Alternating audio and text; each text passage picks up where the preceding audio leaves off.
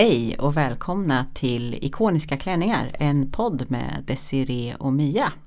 Alldeles nystartad.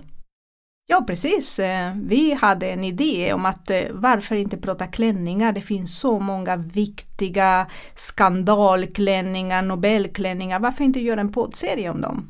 Det är bara för att det är så roligt och med glädjen med vackra kläder. Så vi tänkte att vi kan eh, försöka beskriva dem så att den som lyssnar kan förstå hur klänningen ser ut men också berätta lite kåserier, lite små anekdoter kring klänningarna och även bröllopen. Ja, det är ju inte så himla lätt att se.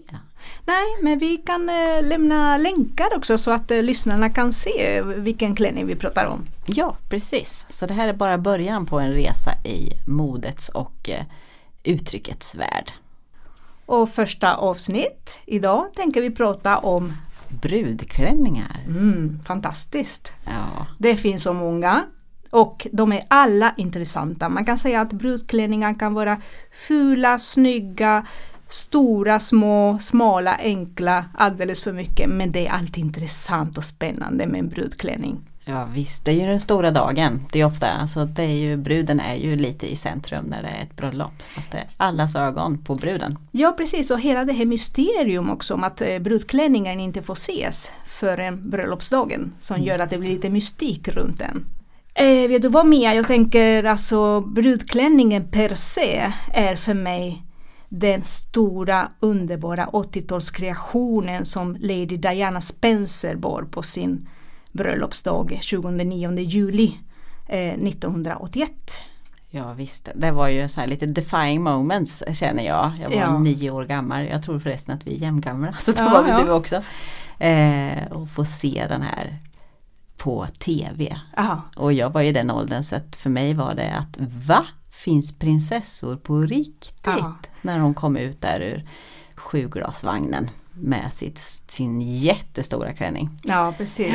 För att det, det såldes ut som ett riktigt sagobröllop det här. Sen fick vi veta alla intrikata detaljerna att hon var säkert väldigt olycklig på bröllopsdagen. Hon var 20 år yngre än Charles. Hon var eh, ja, inte så van vid medier och eh, press så att eh, jag tror att eh, hon ser lite sorgsen ut på vissa bilder. Ja men det är lite vemod i det Ja, va? ja. Och det här att det var som en saga men det var ändå en känsla av att det var inte bara ren och skär lycka utan att det var något, Mm. en liten klang av någonting. Mm. Eh, jag vet när hon kom ut ur den här eh, sjuglasvagnen så var ju klänningen väldigt skrynklig för att den var ju lite för stor för att åka med i den här Precis. 1700-talsvagnen. Eh, så den var ju alldeles skrynklig och det vet jag min mamma sa det att bara nej, den är skrynklig klänningen, hemska tanke. Jag tycker att Dianas klänning är eh, en riktig symbol för 80-talet för det, den står för allting som 80-talet var. Och det är att allting skulle vara väldigt överdrivet, bombastiskt eh, eh voluminös. Alltså man eh, hade inget så sparsam eh, stil på, på 80-talet utan ju mer desto bättre. Och det är precis, klänningen ser ut som en marängtårta, en enorm marängtårta med 20 meters släpp och hur många volanger som helst. Alltså den är häftig. Ja precis, det var liksom extra allt även om man kanske inte använde den termen då. Men det var faktiskt så. Hon gifte sig ju i St. Paul's Cathedral eh, Mm. som är då en barockkyrka då, invigd 1697. Eh, och då, hon ville ha någonting som matchade den här jättestora kyrkan. Hon kunde liksom inte ha en tunn klänning i en sån maffig omgivning så hon ville att det skulle vara liksom extra allt. Eh, och dessutom ha det längsta släpet. Mm. Och eh, eh, livet fick sys eh, om fem gånger därför att eh, det, det blev känt sen att Diana hade ätstörningar. Och ätstörningar eh, i samband med nervositeten inför bröllopet så gjorde att hon gick ner flera storlekar. Så de fick sy klänningen flera gånger så det skulle passa. Ja, visst var det så. Och så det händer ju för många brudar. Alltså att man eh, att det händer mycket inför med nervositeten och så. Så att Mm. eh, få sy om i sista sekunden. Även för Madeleine, prinsessa Madeleine var det så just att hon har berättat det att eh, de här italienska skräddarna från eh, Valentino fick springa runt och sy in, in Ja. i det sista liksom för att få den att passa. vanligt fenomen. Eh, Diana var mycket eh, längre än Charles och eh, då var det inte på tal att hon, hon, skulle ha klackar. Hon skulle inte ha pumps eller något utan hon har eh, ett par platta ballerinaliknande skor. Broderade naturligtvis och under på sulan är det deras initialer. Så på det ena står det C och på det andra står det D. Vilket är ganska vanligt med brudskor eh, faktiskt. Att man broderar antingen hela namnet eller initialerna på brudparet. Mm. Eh, jag tänkte att eh, designer var paret David och eh, Elisabeth Emanuel.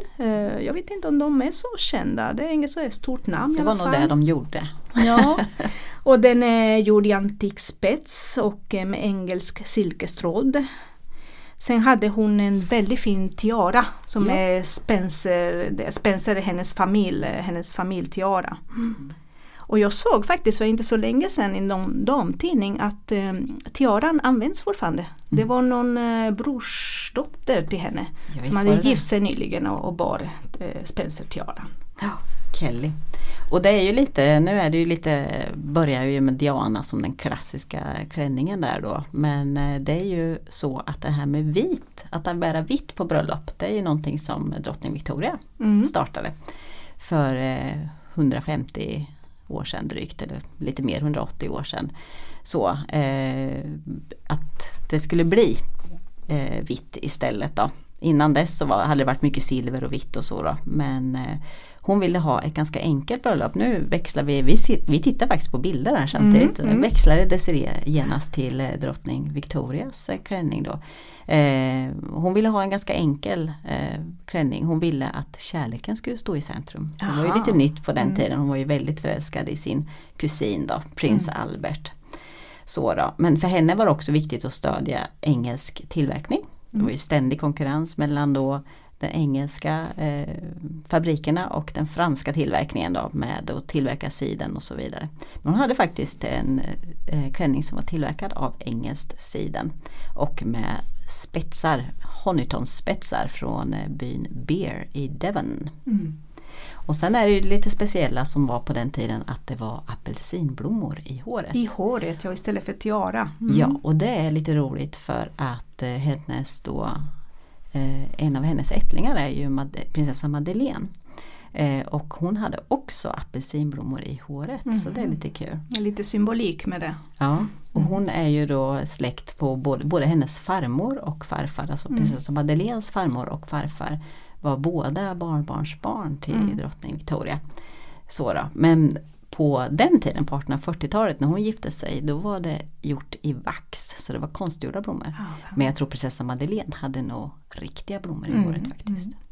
Nej men jag tänkte också på att eh, jag ser inte att drottning Victoria bär någon eh, blombukett. Men det kanske är bara bilden här för att eh, det här med blombuketter det går också mode med dem. Mm. Jag tänkte för att återkomma till Diana så hade hon också så typisk 80-talsbukett. Den var enorm. Den hängde ända till golvet och den hade väldigt mycket gardenias, liljekonvaljer, fräsjor och sen hängde allting ihop med murgrönor. Långa, långa långa skälkar. Eh, till motsats till den här eh, på senaste tiden nästan minimalistiska som har blivit att eh, man har bara en liten eh, bukett med liljekonvaljer, något väldigt liten rosliknande grej. Ja. Så det går också mode i det. Men det kanske är så att på drottning Victorias tid så hade man blommorna i håret och då räckte det.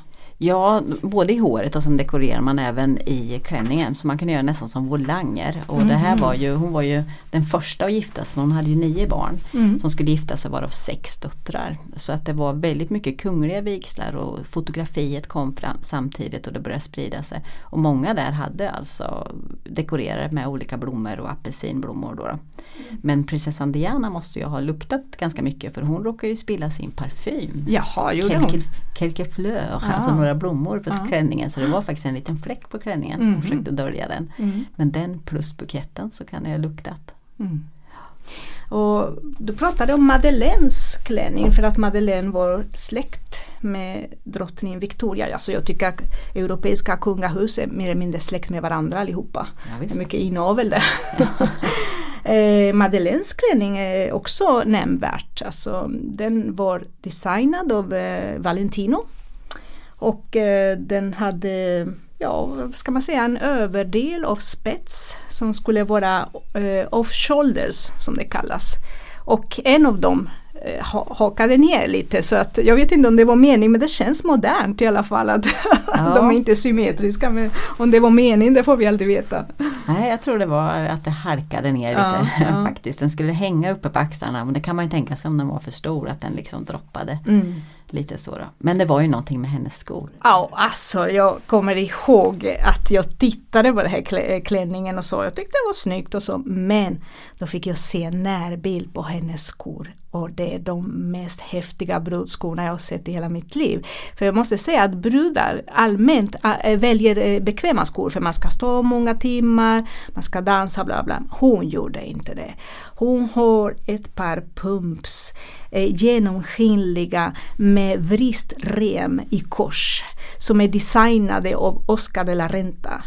Och de är i precis samma nyans som klänningen. De är så vackra och så obekväma antar jag.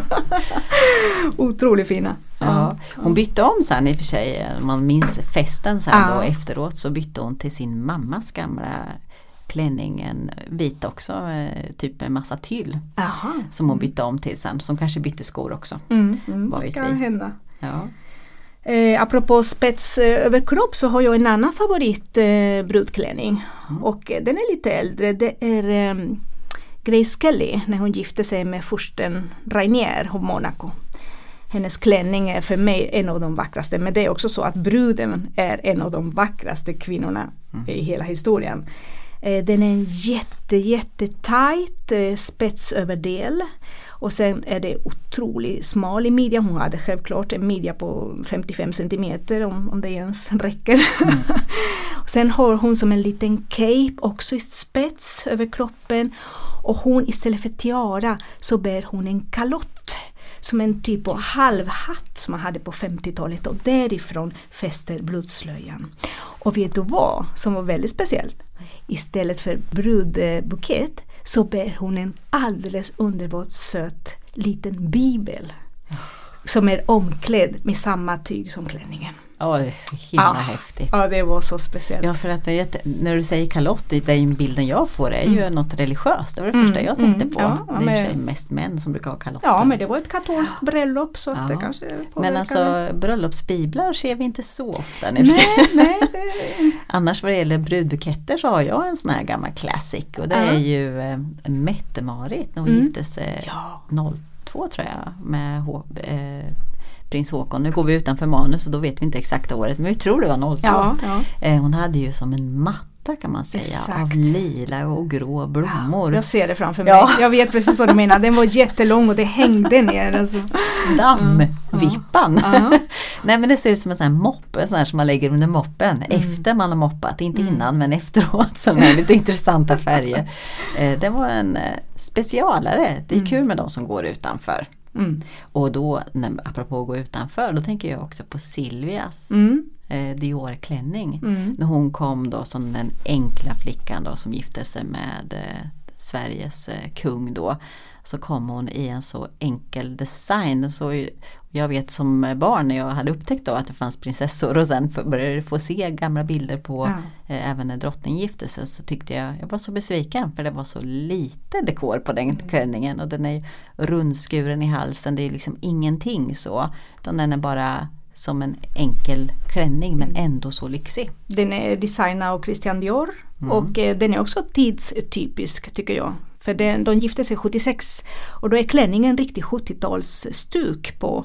För den är raka linjer, ingen markerad midja, inte en grayskellig midja utan det är tvärtom. Så lite så här motsats för först hade vi det här 70-tals enkla och sen kommer återigen 80-talet med allting. Det går i vågor här. Ja, och sen eh, går man in på när eh, Carolyn Bassett och eh, John John Kennedy gifte sig Mm. i slutet av 80-talet var väl där nästan åt 90-talet och hon har ju en väldigt smal och tunn klänning Mm. som smiter åt kroppen och det har jag läst att det beror på att den är klippt på tvären, alltså skuren på diagonalen som det heter. Ja. Då smiter den åt liksom så den formar sig efter kroppen. Mm. Eh, det finns, jag tror det finns bara en enda bild på den men man ser riktigt hur den liksom ja, följer henne. Precis, designer Narciso Rodriguez. Ja precis och det var en nära vän till Caroline faktiskt. Hon jobbade till och med i hans ateljé. Jag vet inte vad hon gjorde där men de var, nära, de var hon moppade. nära vänner. Och det är precis som du säger, det är en sån klänning som man kanske vid första ögonblicket inte tänker på att den är så avancerad för det ser ut som att man har tagit på sig ett nattlinne. Men vid närmare titt så förstår man att den är eh, klippt av ett geni. För han är otroligt duktig. Jag kan säga att Narciso Rodriguez är väldigt verksam fortfarande och han klär ofta Michelle Obama. Mm -hmm. Michelle Obama har burit hans designer i stora sådana events som har eh, varit i samband med presidentvalet och sådana grejer. Mm. Sen tänkte jag på att eh, eh, Caroline var en, eh, en kvinna som var väldigt välklädd och hade alltid väldigt enkel stil. Och även på bröllopet så ser man att håruppsättningen är otroligt enkel. Det ser ut som att hon har gjort en liten knut när hon kommit ur duschen mer eller mindre. Mm. Eh, men sen har hon väldigt chic detalj som jag gillar. Hon har långa genomskinliga handskar. Ja. Jättefina. Häftigt. Ja. Det är lite modigt att, att köra på den stilen också mm. tänker jag direkt efter 80-talet. Att våga liksom bara vara avskalat när 90-talet började. Och 80-talet, eh, då får vi inte glömma att strax efter eh, det stora sagobröllopet mellan Diana och Charles så är det eh, brorsan som gifte sig, Andrew, mm. med sin Sarah Ferguson mm. som kallades Fergie. Mm. Och det, det kändes som att det var, eh, klänningen försökte vara lite kopia av Diana fast det nådde inte måttet riktigt. Eh, det är ett liv som egentligen är ett korsett Eh, Sara hade alltid haft lite viktproblem, lite rundare än vad hon ville vara, lite jojo-bantning har det stått i damtidningarna och så.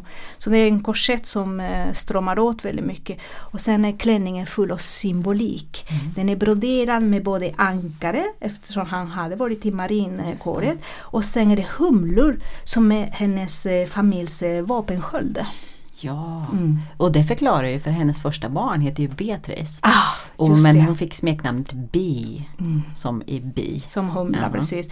Och sen är det långa, långa sidensläpet har stort broderat A för Andrew mm. naturligtvis. Och de är fortfarande bästa vänner idag. Ja, om man har ja, hört talas ja. om dem. det är lite roligt. Jag tror också att Dianas klänning satte ju säkert eh, en viss modestandard också. Mm. Eh, jag tror att vi även har sett eh, drottning Silvia där på 80-talet. Det är ganska pösiga dräkter med mycket ärmar och mm. mycket det här volum, voluminösa. Voluminösa, ja. Voluminösa, tack ja. för att du kan uttala ord som inte jag kan uttala.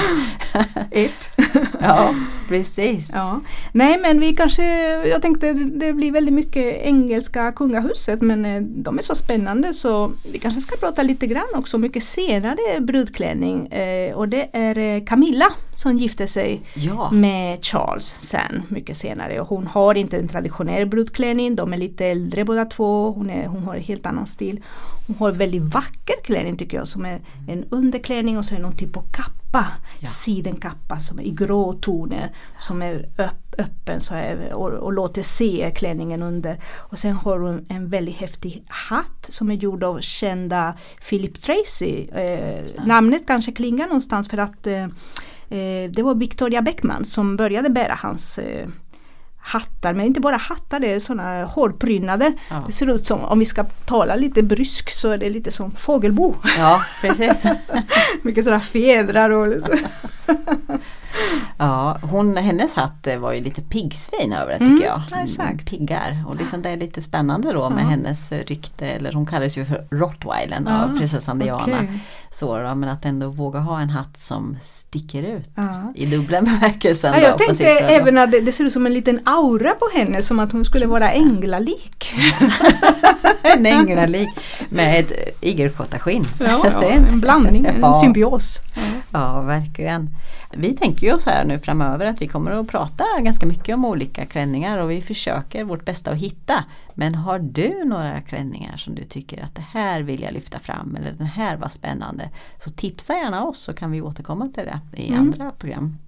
Ja precis, för vi har lite planer. Vi tänker göra flera avsnitt eh, och eh, lite lösa idéer är att prata, prata om Nobelfestklänningar, Oscarsgalans klänningar, filmklänningar, skandalklänningar, omöjliga klänningar. Ja, visst. det är oändligt egentligen hur många klänningar man kan prata om. Ja, verkligen. Och det är ju så roligt att få göra det, Ja. tänker vi också. Men vilka är vi som pratar då, Desiree? Ska vi berätta Ja, lite om vilka vi är? precis. Ja, men jag heter Desiree Matteo Edström. Jag jobbar på Stadsbiblioteket i Linköping. Eh, är utbildad bibliotekarie och tycker det är väldigt roligt med mode och stil. Mhm. Och jag är Mia Moberg, jag jobbar också på Stadsbiblioteket och eh, har väl alltid älskat kläder så då, men tycker också att det är roligt att sy och försöka skapa och återskapa de här kläderna eller överhuvudtaget uttrycket. Det är jättespännande Mm. tycker jag. Ja, men då ska vi tacka för idag.